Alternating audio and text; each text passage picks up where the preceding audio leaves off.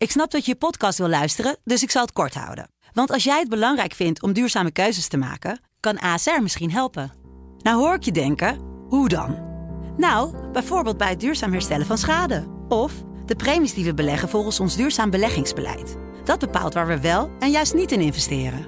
Wil je meer weten over welke duurzame keuzes ASR maakt? Ga dan naar asr.nl slash duurzame keuzes. ASR doet het. Zo, dan kan je nu lekker naar je podcast luisteren. Even een kleine disclaimer.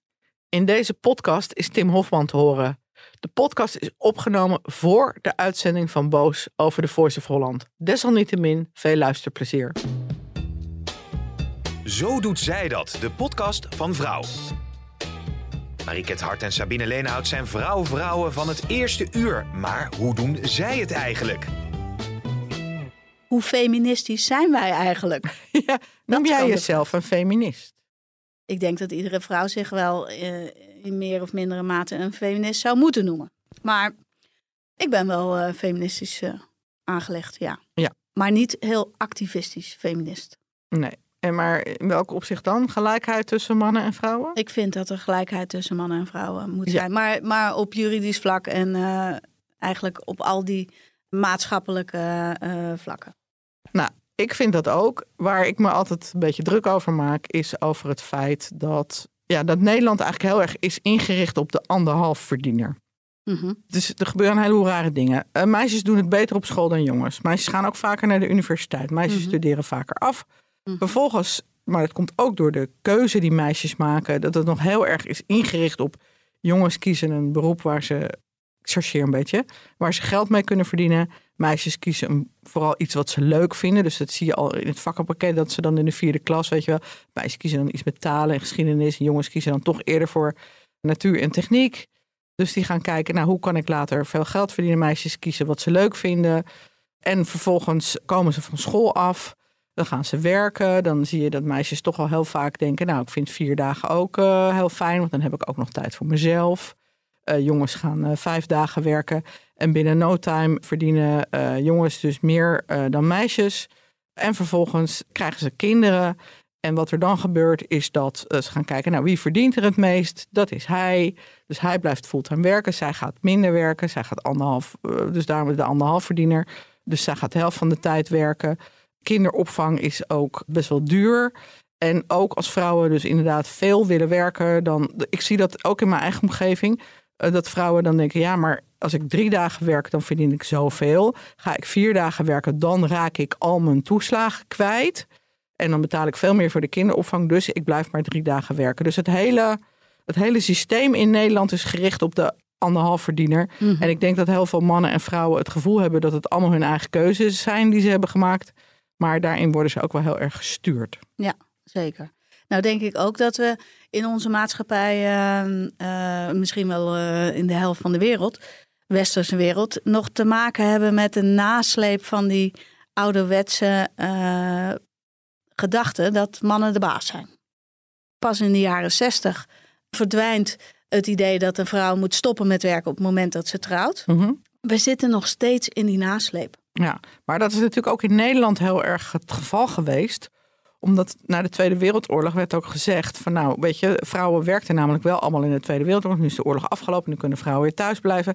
En inderdaad in de jaren 60, maar zeker ook in de jaren 70, 80, dat er eerder voor werd gekozen om bijvoorbeeld arbeidsmigranten naar Nederland te halen. Zodat vrouwen eh, thuis konden blijven als ze dat wilden. En eh, mannen aan het werk konden blijven. Ja, Maar inmiddels zitten we dus in een, zijn we een heel stuk verder. En zie je dat het eigenlijk nog steeds die anderhalf verdiener is. En dat maar 40% van de Nederlandse vrouwen financieel onafhankelijk is. En wanneer ben je financieel onafhankelijk? Dat is als je het minimumloon verdient. Nou ja, dan kan je natuurlijk bijna geen huis meer voor huren tegenwoordig van het minimumloon. nee. Dus die ongelijkheid tussen mannen en vrouwen is er heel erg. Maar op het moment dat jij als vrouw, zeker met kinderen, ervoor kiest om fulltime te blijven werken, dan kom je dus tegen een, eh, ja, loop je vaak tegen een muur van vooroordelen op, plus die toeslagen die ik net beschreef. Ja. Ja, dus het, moet, eh, het zou vanuit de overheid al veranderd moeten worden. Mhm. Maar is daar zicht op? Nou ja, is daar draagvlak voor? Ja, Aan de andere kant, al die stellen die vervolgens gaan scheiden, allemaal weer een eigen huis nodig hebben.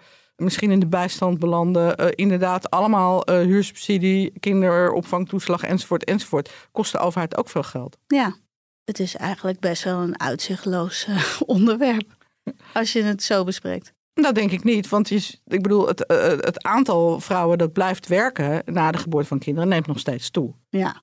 Je hebt het net over de jaren 60 en dan zijn we dus inmiddels 50 jaar verder, 60. Ja. Dat er al toch al heel veel is veranderd. Dus ik denk dat er eigenlijk, ik vind dat helemaal niet zo uitzichtloos. Nee? Nee mid jaren negentig uh, begint die derde en vierde golf, uh, feministische golf. Het speelt dan op. En daar zit nog steeds een bepaalde uitzichtloosheid in. Want die vrouwen die blijven maar uh, denken dat zij de beste opvoeders zijn. En dat is iets wat vrouwen zelf ook doen. En mannen blijven maar denken dat zij geld zouden moeten verdienen voor het gezinnetje. Ja, maar ja, kijk, het is natuurlijk al zo dat als jij, je krijgt een kind en als vrouw wordt er dan ook vaak gevraagd van nou, hoeveel dagen blijf je werken? Als jij tegen je werkgever zegt, ik wil één of twee dagen minder, is dat prima. Uh, je ziet in heel veel beroepen, we tegenwoordig allemaal één juf of meester hadden, is het nu al heel gebruikelijk dat er twee, per klas twee juffen voor de groep staan. Mm-hmm. In sommige zorgberoepen heb je niet eens fulltime contracten. Dus de hele maatschappij is daar ook heel erg op ingericht dat vrouwen parttime werken. Mm-hmm. Nou ja, dat zou dus moeten veranderen. Ja. Ik denk dus ook dat je je je bijdrage moet leveren aan Nederland en aan. Uh, ja. Nou ja, ik denk dat inderdaad, als al die tekorten die er dus nu zijn in beroepen waar veel vrouwen werken, zoals de zorg en het onderwijs. En het schijnt dat als je één uur per week meer zou gaan werken, dat er al verschil uh, zou zijn. Ja, zeker. Dus, ja. Maar misschien moeten we daar even iemand over bellen die daar wat meer over kan zeggen. Ja. Bijvoorbeeld uh, Marianne Zwageman. Wat dacht je ervan? Nou, dat lijkt me een hele goeie. Met Marianne. Dag Marianne, met Sabine. En Marika, hallo. Hoi. Hey Marika, hallo. hallo. Wat fijn dat je even tijd voor ons kon maken. Ja, nou ja, over, de, voor, over de goede zaak praten. Hè? Dat doe ik graag. Nou, we hebben het vandaag over feminisme. Uh, Marianne, beschouw jij jezelf als een feminist? Nee. Oh, leg uit. Nee. Nou, dat komt natuurlijk omdat ik ben opgegroeid in de tijd dat het toch een beetje zo'n vies tuinbroekenwoord was en zo. Dus ik heb altijd een beetje akelig uh, gevoel bij of zo. Ja. En, en, sowieso, ik, ik ben met dat hele onderwerp gewoon nooit bezig geweest. Ik was gewoon lekker aan het werk en toen had ik gewoon altijd iemand boven mij die zo slecht was dat ik het beter kon. en dan, ja, sorry uh, lieve collega's bij de Telegraaf, want daar was dat. Dus nee, ik, ben, ik, ik, ik heb gewoon nooit op, dat, op die manier heb ik er nooit zo naar gekeken. Okay. Nee. Misschien maar, was ik ja. al genderneutraal voordat het dit was, denk ik Ja. eigenlijk. Maar Marianne, jij zegt bijvoorbeeld een webshop is geen carrière. Dat vind ik best een feministische opmerking. Ja, nou kijk, dat, dat, is, dat, is, dat is de titel van mijn boek, wat ik denk ik tien jaar geleden heb geschreven. Dus dat moet ik echt een keer opnieuw uit gaan brengen, ben ik ook wel van plan. Mhm. Want, want wie heeft tegenwoordig nog een webshop? Tegenwoordig willen die meisjes allemaal influencer worden. Ja. Ehm, maar het, ja, het was natuurlijk eigenlijk een, een, een, een soort schaamlapje om niet aan het werk te hoeven. Hè? Dan zei ze, nee, maar ik heb mijn webshopje. Daar zijn ze dan heel druk mee. Dus ja, dat boek was eigenlijk een, een handleiding voor vrouwen. Hoe kom je naar de top? Hè? Want je kan daar Mhm. gewoon komen. Er is echt helemaal niets meer wat je tegenhoudt onderweg. Maar ook wel een oproep om dan ook wel echt wat te doen met je werkende leven. En niet een beetje, ja, een beetje half, een beetje sufjes. En Ja, ja. Ja, dat vind ik natuurlijk nog steeds wel. Ja. Dat dat, dat eh, zou moeten. Maar, maar vind je dan ook echt dat er geen ongelijkheid tussen mannen en vrouwen bestaat? Zeker in het werkvlak. Nou, dat, eh, is dat er wel. Hè? Er zijn bijvoorbeeld heel weinig vrouwen die eh, onder een auto kruipen of in een vrachtwagen of die stenen leggen. Of Mhm. hè, dus allerlei beroepen die toch wat, wat zwaarder of viezer of minder aantrekkelijk zijn. Daar zijn vrouwen niet zo voor te porren. Nee. Dus ja, daar is wel ongelijkheid. Het is eigenlijk heel oneerlijk dat alle mannen dat werk moeten doen. Mhm. Maar dat, ja, dat vinden wij in de maatschappij blijkbaar prima dat die ongelijkheid er is. Dat vinden we niet zo'n probleem. Oké, maar dan in die corporate wereld waar jij zelf in zit, merk je daar ook geen verschil dan? Nou, ik heb dat zelf nooit gemerkt. Ik denk ook dat je, ja, wat ik, kijk, wat ik altijd tegen vrouwen zeg is, als er op het veld gevoetbald wordt, dan moet je niet willen korfballen. Want dan, ja, pas je aan naar de mores in een bedrijf. En er zijn hele vrouwvriendelijke bedrijven en er zijn hele vrouwonvriendelijke bedrijven. Mhm. In de tijd dat ik zelf bijvoorbeeld bij de Telegraaf werkte en daar ook in de directie kwam, vond ik het best wel een vrouwonvriendelijk bedrijf. Dus de, de mannen die daar allemaal aan de top eh, zaten, ja, die keken bij vrouwen toch wel vooral naar eh, wat ze aan hadden. En, eh, Mhm. nou ja, ik wil niet uh, met terugwerkende kracht een beetje gaan metooen of zo. Maar als dat de cultuur is waarin je werkt, ja, pas je dan aan. En als je serieus genomen wilt worden als vrouw in zo'n omgeving, nou moet je bijvoorbeeld je kleding een beetje, een beetje downgraden en een beetje ja, one of the guys worden. Mhm. Maar zit je in een omgeving waar de regels heel anders zijn, maar dat, is, dat heeft niet zozeer met, met feminisme te maken. Maar ja, dat is ook als je in een ander land gaat wonen. Of, of zelfs in een andere stad gaat wonen. Als ja, de spelregels daar anders zijn dan dat je gewend was. En je wilt toch een beetje leuk meedoen. Mhm. Ja, dan pas je je aan. Hè? Als je met een, met een clubje op vakantie gaat naar een of andere vegan reis. En jij wilt alleen maar biefstuk eten. Ja, dan ga je een hele vervelende vakantie hebben. Mhm. Of je pas je aan. Dat is denk ik eh, toch het geheim hoor, op, eh, voor Ja. alle vragen. Ja, maar dat is heel pragmatisch natuurlijk. En, eh, maar ben je het daar dan mee eens dat mannen dat soort eh, spelregels kunnen maken? Als we het dan even over de Telegraaf toen hebben. Maar houdt het vrouwen ook tegen bijvoorbeeld? Ja, Nou, kijk, als je je niet aan wilt passen of niet aan kunt passen, dan kan het wel lastiger zijn. Kijk, en of het eerlijk is, ik vind het ook niet eerlijk dat we wel vuilnismannen, maar geen vuilnisvrouwen hebben. Weet je, dat is net zo oneerlijk. Dus natuurlijk is, ja, wat is er in het leven nou wel eerlijk? Er zijn zoveel dingen niet eerlijk. En dus daar kan je best wel iets van vinden. Maar ja, ga je, dan, dan moet je activist worden. Hè? Dan ga je de barricade op en ga je wat aan proberen te veranderen. Ja. Dat is ook mijn negatieve associatie met dat feminisme, wat dan in mijn jeugd misschien een beetje doorgeschoten was. Ja, of kom je daar omdat je wat wilt bereiken. Ja. Hè? Je moet ook je doelen gewoon stellen. Als jouw doel is dat je activist wilt zijn en dat je daartegen wilt strijden, nou prima, dan moet je, moet je dat gaan doen. Ja. Kan ook. En wat vind je ervan dat eh, driekwart van de Nederlandse vrouwen parttime werkt? Nou, wat vind jij ervan, Marieke? Volgens mij ben je er dus een beetje boos over altijd. Ja, daar hebben we het nog over in deze podcast. Maar wat, ik, ben nu gewoon benieuwd naar jouw mening. nou, kijk, wat is op dit moment de allergrootste crisis van ons land? Eh, enorme eh, eh, tekort aan personeel, met name in de zorg en het onderwijs. I rest my case. We hebben een zorginfarct. We hebben geen bouwvakkers die huizen kunnen bouwen. We komen op alle fronten eh, arbeidskrachten tekort. Ja, en dan hebben we gewoon een heel groot deel van de, van de beroepsbevolking die in staat is om te werken, mhm. die dat gewoon niet of nauwelijks doet. En ja, ik begrijp gewoon niet hoe vrouwen met zichzelf kunnen leven. Ik bedoel, ze rijden wel over de weg die met eh, ja, van belastinggeld is betaald. Ze brengen hun kinderen naar een school die met belastinggeld is betaald. Weet je, ze- profiteren wel van, van alles wat er ja, door werkende mensen is opgebracht. Mhm. En voelen dan blijkbaar zelf niet de plicht om daar ook iets aan bij te dragen. En in feite is dat natuurlijk ja, een hele luxe positie die wij altijd hebben gehad als land. Hè? Dat, je, dat we ons dat kunnen veroorloven. Ja. Dat een heel groot deel van de beroepsbevolking niet meedoet. Maar inmiddels kan dat dus niet meer. Dus dat hele probleem in het onderwijs, het hele probleem in de zorg, kan echt morgen opgelost worden. Als alle vrouwen die in die vakken werken, gewoon allemaal een heel klein aantal uurtjes meer gaan werken. Ik geloof vier of zo, dat is wel eens uitgezocht.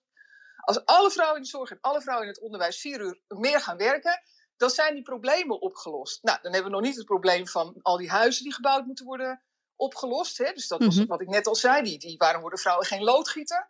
Eh, terwijl ze dat op zich heel goed zouden kunnen. Hè? Ik ben wel eens bij zo'n loodgietersopleiding geweest. En dat geldt ook voor, voor, voor elektrotechniek bijvoorbeeld. Het is vaak heel pieterpeuterig werk, waar vrouwen op zich heel goed in zouden kunnen zijn. En dan denk ik, ja, je woont hier op zich in een welvarend land waar alles best heel goed ge- georganiseerd is. Maar als je wilt dat dat zo blijft, ook voor je kinderen, ja, moet je toch een beetje de handen uit de mouwen steken. ja, betaal je contributie voor Vereniging Nederland, zeg maar. Ja, ja. Ja. Nee, Ja, eh, ik, ben echt. het, eh, ik ben het roerend met Maar dat je is eens. toch best feministisch? Nou ja, maar dat, of, weet je, maar dat vind ik van mannen net zo goed. Hè? Ik bedoel, er zijn ook zat mannen die. eh, de, mannen gaan ook steeds minder werken.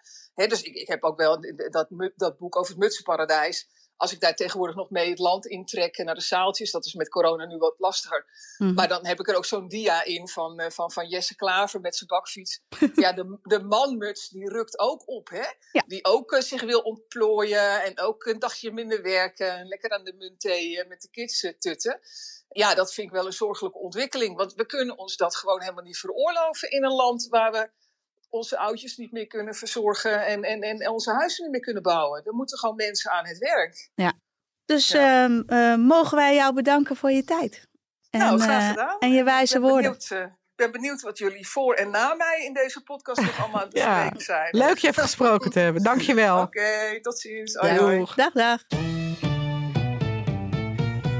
Nou, zij bevestigt toch maar even wat wij net eh, al voorbespraken. Vier uur per week meer eh, werken, zei ze. Ja. Ja. Nou ja, dat zou echt een hele goede zijn. Ja, maar nogmaals, het, moet ook wel gefaciliteerd worden. Nogmaals, als jij alle toeslagen kwijtraakt, als jij eh, eh, het grootste deel van je salaris aan kinderopvang kwijt bent, dan, en je hebt niet zo'n leuk werk, dan snap ik ook wel dat je denkt, nou weet je, ik blijf wel liever bij mijn kinderen. En ook als je omgeving nogal eh, Dwingend is. dwingend is. Ja. Ik bedoel, als wij een discussie hebben vaak op de site, dan, ja, dan vinden toch heel veel mensen dat de beste opvoeders nog steeds vrouwen zijn. En dat Ja. vrouwen toch grotendeels bij hun kinderen horen te blijven. Ja. ja, en er is natuurlijk ook nog steeds een, eh, een ongelijkheid in de beloning. Mhm. Mannen verdienen meer dan vrouwen. En wat Marjan zegt, vrouwen zouden bijvoorbeeld heel goed loodgieter of eh elektricien eh, kunnen worden. Die beroepen die worden beter beloond dan vergelijkbare beroepen die dan nu onder de vrouwenberoepen vallen. Ja, Dus het zou super slim zijn voor de gemiddelde vrouw om een beetje die richting op te gaan. Hè? Ja. En ik kan me voorstellen dat je misschien geen zin hebt om stratenmaker te worden, want het, dat is ook wat zwaarder en mannen hebben nou eenmaal meer spieren. Maar eh elektricien of loodgieter, dat kun je prima worden. Ik vind het trouwens, dat is weer iets heel anders. Dat zit ook in, eh, dat hoor ik ook feministen zeggen, mansplaining. Heb je daar wel eens van gehoord? ja. Ja, dat is dat mannen je ongevraagd dingen uit gaan leggen waarvan zij denken dat ze het beter weten. Zo had ik laatst iemand voor de gijzer eh, op bezoek. En die ging dus aan mij uitleggen hoe het dan werkt met warm en koud water. Echt waar? Ja, doe even normaal. Alsof ik eh, A, of ik te dom ben om dat te begrijpen. En B, dat kan ik zelf toch wel uitvinden als ik daar eh, iets meer over zou willen weten. Nou, ik vond het echt eh, Ja. bijzonder. Nee, maar dat is natuurlijk dat, dat mannen sowieso meer ruimte eh, opeisen. Ik zat een tijdje geleden, ging ik met het vliegtuig naar Valencia. Zat ik naast een stel. En die vent die deed zijn benen nou wijder. Hij zat in het midden, ik zat bij het raam.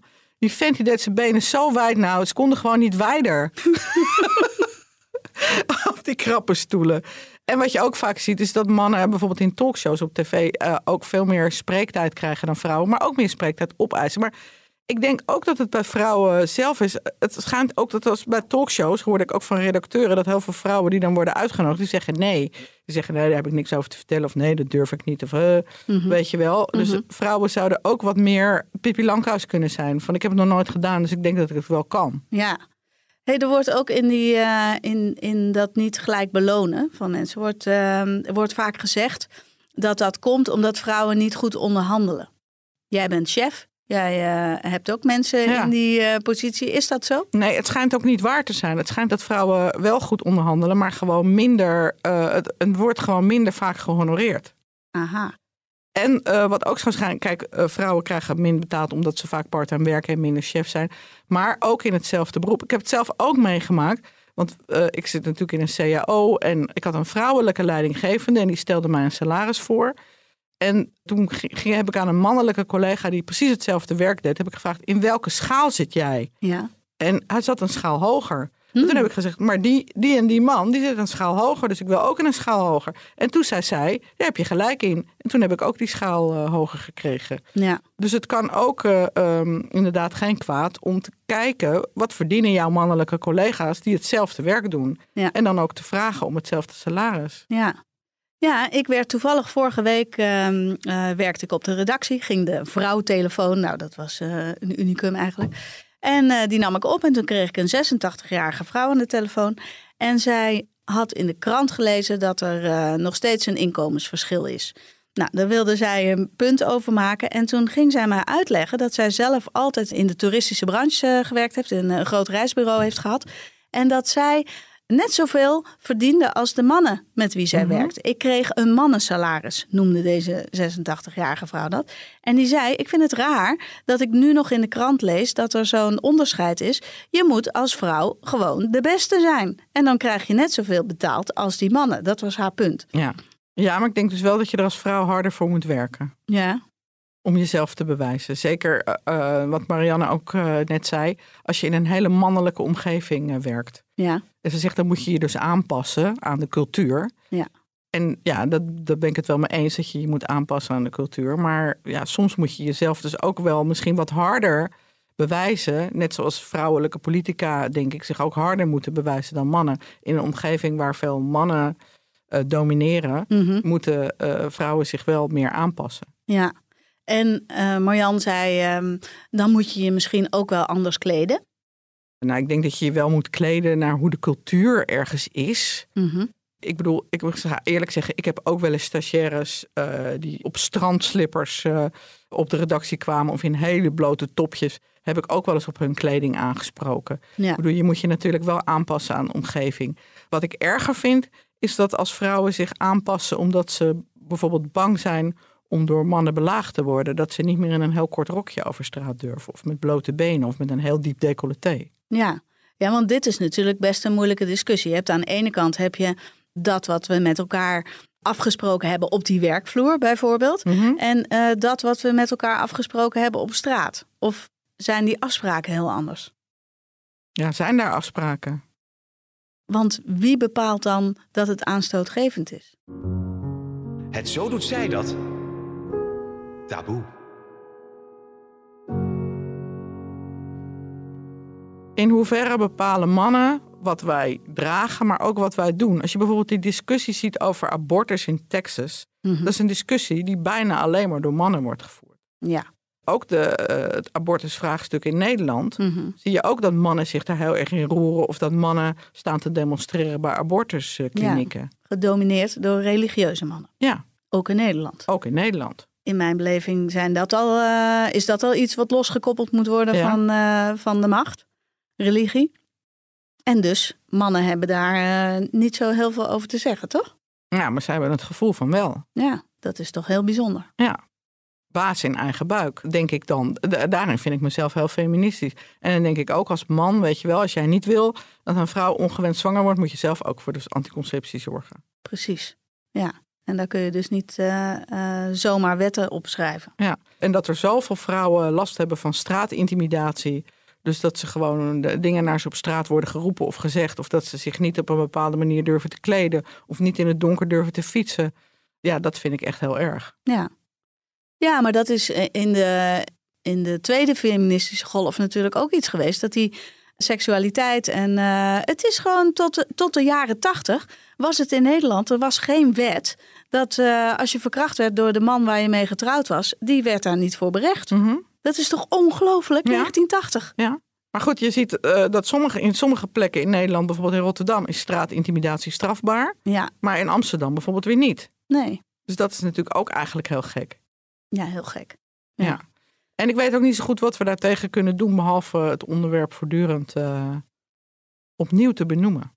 Nou ja, ik denk dat wij daar in een blad als vrouw toch ook wel. eh, eh, het is fijn dat wij daar mensen over aan het woord kunnen laten. Ja. En dat we er aandacht aan Nou besteden. ja, en dat vrouwen gewoon veilig op straat moeten kunnen, altijd. En ik denk ook, de- de- nou ja, ik denk dat wij onze zoons daar ook wel op aanspreken. Mhm. En ook ongeacht wat ze dus aantrekken. En ehm, hoe zie jij dan eh, de, de hoofddoeken? Nou, ik vind dat ingewikkeld, want ik heb zoiets van, ik vind een hoofddoek een vrije keuze. En ik denk dat het bij vrouwen in Nederland vrijwel altijd een eigen keuze is om een hoofddoek eh, te dragen of, eh, of zelfs een niqab. Mhm. Ik kom regelmatig bij een Iraanse eh wenkbrauwenspecialist. En die mevrouw, eh, ja, die is dus naar, naar Nederland gekomen omdat ze zich niet veilig voelde Ja. in Iran. En zij vertelt dus ook van als je daar zonder hoofddoek op straat gaat, dan, eh, dan kun je dus echt eh zweepslagen en gevangenisstraf verwachten. En zij is ook ex-moslima. Maar zij heeft ook altijd zoiets tegen mij van, oh ja, nee, nee, nee, dat, er, er is ze altijd een beetje huiverig voor om dat hardop te zeggen. Dus ja, ik vind, als het echt vrijwillig is, Ja. maar dat geldt eigenlijk voor alle kleding, dat geldt ook, er zijn natuurlijk ook andere geloven waarin je bijvoorbeeld een pruik moet dragen of in Staphorst eh, verplicht een lange rok. Maar ja, ik kan me ook voorstellen dat het toch heel erg iets is wat je door je eigen omgeving eh, eh, toch ook wel heel erg van je wordt verlangd. Ja, ja, ik vind dat dus wel ik vind dat moeilijk. Merk ik aan mezelf. Wat ik, dan? nou, ik, ik vraag me af in hoeverre zij dat zelf besluit. En zelfs in Nederland. Het is voor sommige gezinnen belangrijker wat de buren ervan vinden dan wat de God uh, voor wie ze het doen uh, ervan vindt. En ehm, ja, daar heb ik moeite mee. En ik, en ik vind het dan verdrietig dat die vrouwen zich daaraan moeten conformeren. Ja. Ja. ja, omdat de gedachte erachter is dat je jezelf moet bedekken tegen de begerige blikken van mannen. Ja, maar dat heb ik voor westerse vrouwen ook. Op het moment dat ik mijn dochter moet zeggen dat ze, als ze met de brommertje s'avonds uh, over straat gaat, dat ze een iets langer rokje of een jongbroek aan moet trekken. Omdat ik bang ben dat ze anders van de scooter afgesleurd wordt uh, door mensen die vinden dat ze er lekker uitziet en uh, dan iets onzedigs met haar willen doen. Ja, dat, vind, dat is toch afschuwelijk? Ja, dat is heel afschuwelijk. Ja. En dat is iets van alle tijden. Want toen Ja. ik jong was, ja, had mijn moeder ook al die angst. Ja. Als ik alleen over straat ging fietsen, dat ik Ja. misschien eh, van de fiets gesleurd zou Ja. worden en eh, verkracht. Ja. En dat is echt heel erg dat we nog steeds daar zo bang voor zijn. Ja, en dat is omdat vrouwen door mannen, dat er een object van gemaakt wordt. Een vrouw wordt dan helemaal losgekoppeld van de persoon die ze is, maar het is gewoon iemand die, eh, waar je seks mee kan hebben, wanneer jij dat wil. Ja, Ja, en daarom ben ik dus wel. Nou, nu merk ik, terwijl ik erover praat, ik ben dus wel feministischer dan, eh, dan dat Ja. ik in het begin misschien aangaf. Ja. Ik vind dat daar, daar moet echt gelijkheid in komen. eens. Nou, we hebben ook een eh, man natuurlijk weer uitgenodigd om zijn zegje hierover te doen. En deze keer hebben we Tim Hofman. Ik ben benieuwd naar zijn verhaal. Zo doet hij dat. Ja, ik ehm, vind het woord feminisme hartstikke leuk. Eh, feminisme staat natuurlijk voor eh, de emancipatie van onderdrukte groepen of minderheden. Ehm, zeker als je, eh, zoals ik dat benadert, zoals intersectioneel feministen, feminisme. Ehm, dat is ook precies wat het inhoudt. Het gaat om het supporten, steunen en eh wegen plaveiden voor mensen die niet bovenaan de voedselketen staan. Dat kan zijn om je kleur, om je geaardheid, om je geslacht, om je gender, eh name it. En ik zou ook zeggen, ik, ik ben ook een feminist. Ik vind ook helemaal geen eng woord. Ik ben daar ook hartstikke trots op. Niet iedereen benadert dat hetzelfde, maar ik heb daar voor mezelf prima definities en een invulling voor gevonden. En het, de grootste misvatting is dat het een, een stroming is die per definitie mannen hekelt. En dat is gewoon niet waar. Het legt aan banden wat de macht van een man is of kan zijn tegenover bijvoorbeeld een vrouw of de macht van een witte man tegenover een zwarte man, nou, et cetera. Dus ehm, ik denk dat het hartstikke goed is om je aan te sluiten bij die stroming in het kader van vrijheid en gelijkwaardigheid voor iedereen. Dat was hem. Ik denk ook wel dat een, de jongere generatie, eh, dus ook de generatie van Tim, daar iets anders over denkt dan onze vaders en zelfs onze partners. De manmuts, zei Marianne Zwageman. Tim is toch geen manmuts? Nee. Nee. Nee, daar was ik het trouwens niet helemaal mee eens met eh, Marianne. Ik kan me echt voorstellen dat jij als eh, jong koppel niet wil dat je kind vijf dagen per week naar het kinderdagverblijf gaat. En het lijkt mij het meest fantastisch als je gewoon allebei vier dagen kan werken. Ja. Maar ja, dan Marianne's eh, idee is dat je de economie daar niet mee helpt. Ja, met vier dagen, dat is al- alsnog 32 uur. Hè? Mhm. Dat is toch wat anders dan wanneer hij 36 uur en zij 20 uur gaat werken. Ja. Nee, dat is eh, helemaal waar. Ja, en dan daarna, je kan toch ook. Toen mijn kinderen, zeg maar, mij niet meer dagelijks nodig hadden, ben ik weer meer gaan werken. Maar dat zie je dus ook heel weinig vrouwen doen. Ja. Jij trouwens ook. Ja, ik ben ook meer gaan werken. Dus eh, ik heb wel zoiets van, ik snap het als je kleine kinderen hebt, dat je wat minder gaat werken. Maar sommige meiden doen het al zodra ze van school komen. En vrouwen inderdaad, als de kinderen de deur uit zijn of gewoon op de middelbare school zitten, blijven ze nog steeds parttime werken. Ja. En in hele kleine baantjes. eh, Nou ja, dat heb ik trouwens nog nooit begrepen van vrouwen. Dan ga je een universitaire studie doen, die eh, plat gesubsidieerd is, als het ware. Ja? En vervolgens eh, ga je of parttime of niet werken. Ja. Gaat het nogal Of begint een, of je begint een webshop. Of je begint een webshop. Ja, een beetje rommelen in de marge. Ja. Eh, Dat bedoelde ik eigenlijk toen Marianne het erover had. Dat je je contributie in be- moet betalen. Dus je maakt gebruik van die scholing. Ja. Dat kost echt smakken met geld. Mhm. Dat moet je een beetje terugbetalen. En dat doe je door belasting te betalen. En als je dan maar eh 20 uur gaat werken, ja, dat schiet niet op. Nou, Sharon Dijksma heeft wel eens gezegd dat inderdaad vrouwen die niks met hun studie doen, dat ze die eh, zouden moeten terugbetalen. Dat heeft wel tot heel veel boze reacties geleid hoor. Oh, maar ik zou dat, dat zeg ik ook eigenlijk. Dat is toch Ja. gewoon zonde van het Dus als geld. jij een afgeronde universitaire studie begint en je wordt daarna influencer of je begint een webshop met tassen, Ja, en je verdient, wat is het, 20.000 eh, per jaar. En je betaalt dus, eh, nou, met alle toeslagen erbij, dan betaal je krap aan 3000 eh, euro belasting. Mhm. Nou, een gemiddelde opleiding kost gewoon 20.000 tot 25.000 euro per jaar. En je betaalt als student betaal je maar 1900 euro schoolgeld. Daar gaat toch ergens iets mis. Zo'n opleiding kost de staat dus zo'n zes keer 20.000 per jaar. Ja, dat is waar. Ja, dan kun je toch, eh, ja, ik weet niet, als je daarover nadenkt, eh je kan je wel heel boos over worden, maar het is toch gewoon wat het is. Ja. Ik denk niet dat de gemiddelde 18-jarige al 60.000 eh, belasting heeft betaald, toch? Nee. Nee, dus denk daar dan van tevoren over na. Weet je, als je denkt van nou ja, ik ga eh, lekker een webshop in Tassen beginnen. Waarom ga je dan überhaupt een eh, universitaire studie doen? Ja, laat die plek dan vrij. Die lotingen die liggen er ook niet om. Ja. Goed. Oké. Oké. Heb je nog wat op te biechten? Eh, nou, Opgebiecht. nou, dat ik het dus toch wel heel fijn vind als eh, een man eh, voor mij betaalt. Oh echt? Ja, als we eten.